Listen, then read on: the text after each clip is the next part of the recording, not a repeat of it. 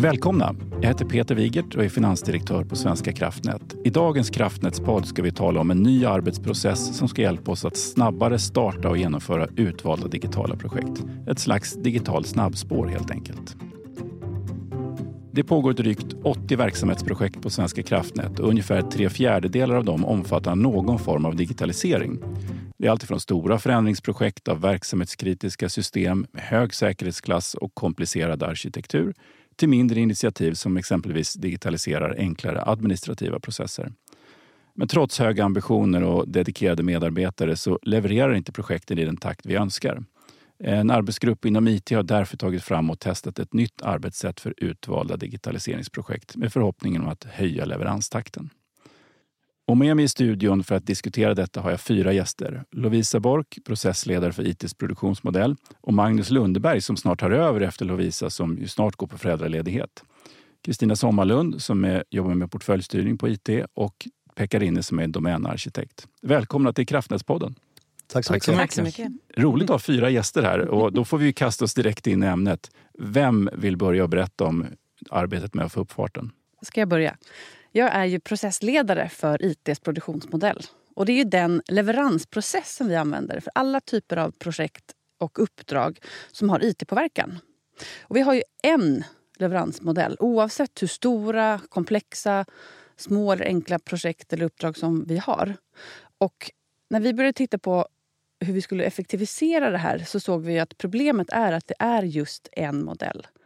Och då började vi titta på hur gör vi det här enklare.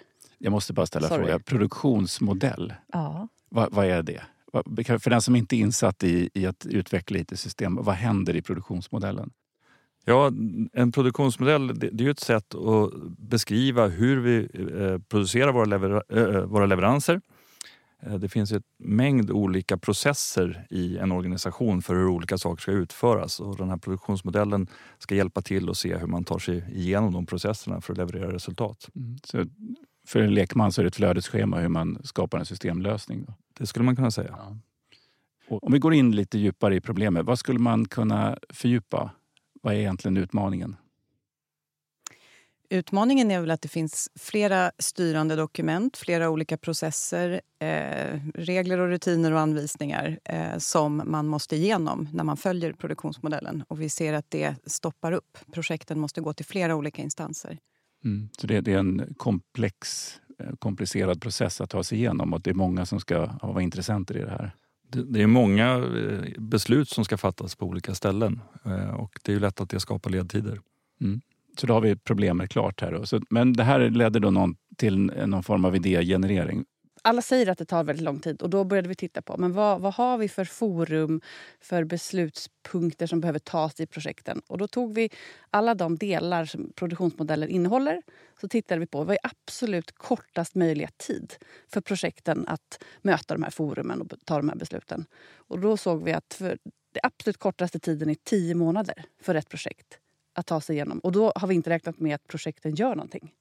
Utan det är bara ledtid, vänta på resurser, vänta på beslut, olika forum. Mm. Så hur, hur, har det hittills sett ut då i, i hela den här vägen från behov till färdiga system och verktyg? Kristina, du som jobbar med portföljstyrningen. Ja, men eh, jag tänker att portföljstyrningen har ju hittat ett flöde in i att hur vi ska starta projekt. Alltså från, från ett behov till dess att vi startar. Produktionsmodellen tar ju vid när projektet är igång, så att säga. Ni föreslår ju för att lösa det här med den långa ledtiden ett digitalt snabbspår. Och hur ser den här lösningen ut? Då? Ja, men vi har en hypotes om att eh, genom att standardisera och förenkla dokumentationen och att eh, facilitera de här beslutsforumen på ett sätt så skulle det kunna korta ledtiderna. Eh, det handlar ju om att projekten måste springa runt i olika instanser idag och att vi istället sätter beslutsfattarna i ett och samma rum. Eh, att projekten inte ska behöva förklara samma information flera gånger, vilket man får göra idag också. Och det är till exempel inom arkitekturstyrningen, inom säkerhetsstyrningen och förvaltningen som alla vill veta samma sak men tittar på det på lite olika sätt. Då. Så att samla människor och ta, göra en gång istället för ett återkommande antal gånger. Ja. Mm det jag kan lägga till här det är att eh, vi pratar ju standardisering. Eh, och då tittar på vad, vad är standardisering för någonting? Och det är egentligen att eh, hitta en eh, gemensam lösning på ett återkommande problem så att vi inte behöver uppfinna hjulet på nytt varje gång vi gör någonting. Och som liknelse här, tänk två hål i väggen. Det är en standard som vi har inom Sverige. Eh, åker man utomlands då kan det vara andra kontakter som man behöver använda. Men det är precis samma sak eh, här. Eh, och eh, det vi ser ett behov av det är att öka antalet kan man säga, standardiserade färdiga byggblock som projekten kan använda sig utav. Och exempel på det är ju till exempel eh, krav inför upphandling så att vi har fördefinierade krav inför en upphandling. Vi har fördefinierade eh, processer och rutiner för hur vi gör olika saker och även IT-tjänster som är standardiserade som projekten kan använda sig utav. Man kan tänka sig en legolåda det pratas ju ofta om att vi ska dokumentera väldigt mycket för att komma till beslut, både på säkerhet och arkitektur. Kommer det här minska eller förenkla dokumentationen och bidra till en snabbare takt? Alltså tanken är ju att, som vi testar nu med de här pilotprojekten, att vi samlar all dokumentation i ett enda dokument. Vi, vi testar det, vi får se om, om det är så det kommer vara sen. Eh, men istället för att projekten ska ta fram olika underlag till olika instanser så tar projekten fram i ett standardiserat format det som behövs och sen så får de som granskar titta på ett dokument. Då har vi, då har vi förenklat dokumentationen. Men ni har pratat också om beslutsforum. Eh, hur, hur gör vi med dem? Där är ju tanken just att vi sätter beslutsfattarna i samma rum också. Och där vill vi kapa ledtider dels i projekten att springa runt i olika forum men också faktiskt att öka dialogen i de här beslutsmötena. För vi ser ofta att projekten kanske får ett besked i en instans och så tar de det till sin styrgrupp och så blir det diskussioner och så börjar det loopa. Ehm, och då tänker vi att sitter de i samma rum så kan de ta den diskussionen direkt och kanske värdera eh, risker mot varandra mm. i det forumet. Det är som eh, eh, valet av påve. Man sätter in alla i ett rum och sen så får, när de är klara så kommer det vit rök ut Ja, det kanske vi ska lägga till här. mm. Men här finns det ju flera vinster att göra tror jag. Eh, för att vi, vi förenklar ju för de här uppdragsledarna och projektledarna som ska ta sig igenom den här eh, modellen. Eh, men vi kommer ju också spara tid för beslutsfattarna som inte behöver springa runt på lika mycket möten. Mm. Och det kommer gå snabbare. Vad är det som kommer, kommer bidra till den högre hastigheten och göra att det här går snabbare? Jag tror att alla de delar som vi har nämnt här nu med standardisering, dokumentation och de här tvärfunktionella beslutsformerna, de tillsammans är vår hypotes att det kommer att göra att det går både fortare och blir bättre kvalitet. Men skulle jag få välja ett av dem där vi ser en stor effekt är det precis det vi har diskuterat kring tvärfunktionella beslutsforum som kommer ge en mängd synergieffekter, tror vi. Och eh, inte minst som vi nämnde här med beslutsfattarna. Beslutsfattarna ges möjlighet att få en helhetsbild faktiskt och förstå vid ett och samma tillfälle alla de parametrar som styr framfarten. Och det ställer också lite mer press eh, på projekten att faktiskt vid ett och samma tillfälle kunna kommunicera på ett enkelt, tydligt och inspirerande sätt så att alla intressenter förstår. Man skulle vilja vara med på de där beslutsmötena känner jag. Du är så välkommen. Men, eh, när, man, när man har pratat om den här eh, ökade hastigheten så har det tagits upp eh, som idé för mindre projekt. Men vi har ju också stora komplexa projekt utöver de här mindre. Kommer vi behandla alla på samma sätt? Nej, och vi har inte riktigt fått fram ännu eh, liksom receptet för vilka som passar exakt i det här snabbspåret. Det får liksom verka sig fram lite i piloten som pågår. Mm. Eh, men vi ser väl absolut att det här med beslutsforumen till exempel är ju inte begränsat av, av sizen kanske eh, på sikt. Mm. Så att, eh, det går att använda det på fler projekt än vad vi gjort just nu. Men eh, Mm, jag tror inte ett snabbspår är, är, lämpligt för till exempel byte av skadasystem eller annat. Nej, precis. Nej. Du nämnde pilot eh, och test. Det vill... ja, men vi har kört en pilot på ett, att införa ett HR-system som heter pulsmätning som egentligen innebär att vi mäter hur våra medarbetare mår här på Svenska kraftnät. Mm. Så det är ett system som vi alla kommer ta del av så småningom? Ja, mm. men det här är bara en pilot, alltså ett pilotinförande av den. Mm. Ska vi säga. Så det är en pilot för en pilot? Ja. Hittills har det varit väldigt eh, positiva reaktioner på det så det är jättekul. Och, eh, ledtiderna har man kapat till ungefär hälften eh, i, det uppdraget. Då. Och eh, vi har upplevt också att det har varit väldigt bra energi i de eh, beslutsforumen som vi har kört där då, när alla har varit samlade som berörs av det. Det är intressant, för det är ett återkommande tema ju i Kraftnätspodden. Det är ju att kapa ledtider och göra effektiva. Det, det som är, jag tycker är intressant att höra det är ju att ofta så, så nämner man att det är mycket roligare när det går fort. Alltså ingen vill ha långbänken. Nej, men det är väl en frustration när man får en känsla av att, att saker stannar upp och eh, loopar och man får invänta nästa dragning. Mm. Eh, vi pratade om storleken på, på, projekt. Kommer vi klassa in projekt i olika size här nu då? Small, medium, large? Eller? Inte som vi har skissat på det eh, just nu utan det handlar nog mer om att det är projekt som har olika karaktär. Eh, och vi är inte riktigt klara med de här kriterierna, hur skarpa de kommer bli. Med någon form av inboxning i alla fall så man kan få en guideline. Ja, självklart. Jag, jag nämnde det här med hastighet. Kommer det kunna gå för fort?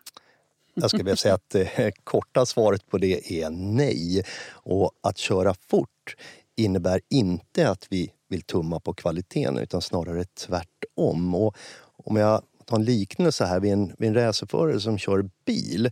De behöver ju kunna köra sitt fordon väldigt, väldigt bra innan de ger sig ut på banan. Och de behöver också kunna kontrollera eh, och balansera mellan eh, både risk och resultat. Och det är precis samma sak här. Vi ställer ganska höga krav på kontroll eh, och att vi sätter alla i samma rum eller samma båt om vi så vill eh, kommer ge snarare ökad kvalitet och snabbhet. Mm.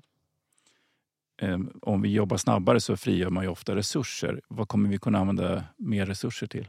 Fler projekt. kanske man inte ska säga, det är lite som att svära i kyrkan. Men, eh, nej, men att kunna behandla fler initiativ och få igenom dem genom produktionsmodellen snabbare. Teamen kan hoppa på nästa tåg. så att säga. Just det. Då blir man intresserad och funderar på var hamnar nästa flaskhals någonstans. Men det tar vi i en annan podd. Ja, det blir nästa. ja, men då får vi ut nytta mycket snabbare mm. till verksamheten. Mm. Mm. Jag brukar ofta stanna upp och, och be er reflektera över Eh, själva förändringsarbetet. Har ni några tips till eh, de som lyssnar här som själva sitter och funderar på sina processer eller sina förändringar? Hur ska vi driva dem? Vad har varit framgången i ert förändringsarbete? Ja, men mät ledtiden, skulle jag säga. Det var där vi började. Och Då blir det, väldigt, då blir det liksom tydligare på något sätt att se vart flaskhalsarna finns och vart man kanske kan kapa. Och få ha något att mäta mot. Mm. Det har varit jättetydligt nu. Piloten tog ungefär 20 veckor och ledtidsmätningen tog 40 veckor. Så vi har verkligen, då kan vi se tydligt att vi har kapat halva ledtiden. Och det skapar ju energi. Mm, just det. Mm. Finns det någon annan eh, liksom, kulturell eller, eller eh, teambyggande dimension av det här förändringsarbetet? Jo, men det tycker jag. Det tvär, alltså de här tvärfunktionella beslutsforumen är ju verkligen också ett sätt att sätta människor från olika stuprör ibland i samma rum. Eh, och det tycker jag, bara det samtalet och mötet ger ju en annan energi och en annan framdrift. Och tydliggöra ansvar. Man har ett gemensamt ansvar för leveransen. Mm. Och det blir också väldigt tydligt när man sitter i ett och samma rum. Något annat tips till, det, blir, det blir ju spridning på bredden också när vi har folk från olika stuprör i samma rum. Så mm. du får ju ut det här förändringsarbetet i, i det att du jobbar med det. Så sammanfattningsvis då, mät. Skaffa ett nuläge, vet hur det ser ut idag som vi kan mäta mot. Samla många och skapa en gemensam bild över vad problemet är. Mm. Och våga, skulle jag vilja lägga till. Våga testa nya idéer. Kommer jag som medarbetare märka någon skillnad när vi hittar ett snabbspår för digitalt införande? Förhoppningsvis en känsla och en upplevelse av att det går snabbare att få ut den här nyttan än vad man kanske gör idag.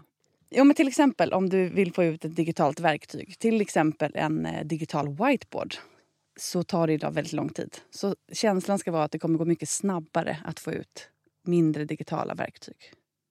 Mm. Och Det är också bra för att när man tänker sig inspirationen att komma med idéer om var vi behöver digitalisera. Så då kan man ju då känna att fasen, det här gick ju lite fort. Nu fick jag in det som jag ville ha. Och det är inte tio månader. Har ni några mer eh, medskick eller information som ni vill eh, passa på att sprida nu innan vi avrundar podden? Ja, men vi har ju fler eh, i pipen för pilottest. Eh, fler initiativ, bland annat nu mobilitet inom digitalisering på nät. Eh, och vi ser ju också gärna att man får komma och pinga här och säga till om man vill vara med och kolla om vi kan utvärdera ifall man är ett, ett lämpligt uppdrag eller initiativ Mm. för att köra snabbspåret framåt. Vem ska man prata med då? Med Magnus. Magnus Jajamän. Lundeberg.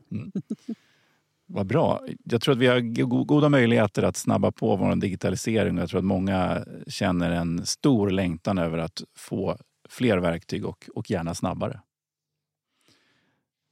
Så ökad effektivisering, det handlar ju om korta beslutsvägar, förenkla dokumentation och standardisera oss. Så på så sätt slipper vi uppfinna hjulet varje gång vi påbörjar och genomför ett projekt. Så det finns stora fördelar med en effektivare process för att digitalisera oss.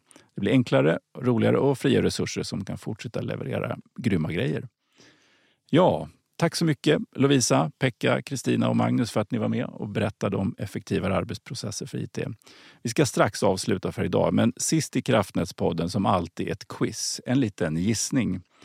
Och då ska vi hålla oss kvar inom IT. Eh, Världens första programmerbara dator heter ENIAC och konstruerades av amerikanska armén 1945. Har ni någon aning om hur mycket den vägde?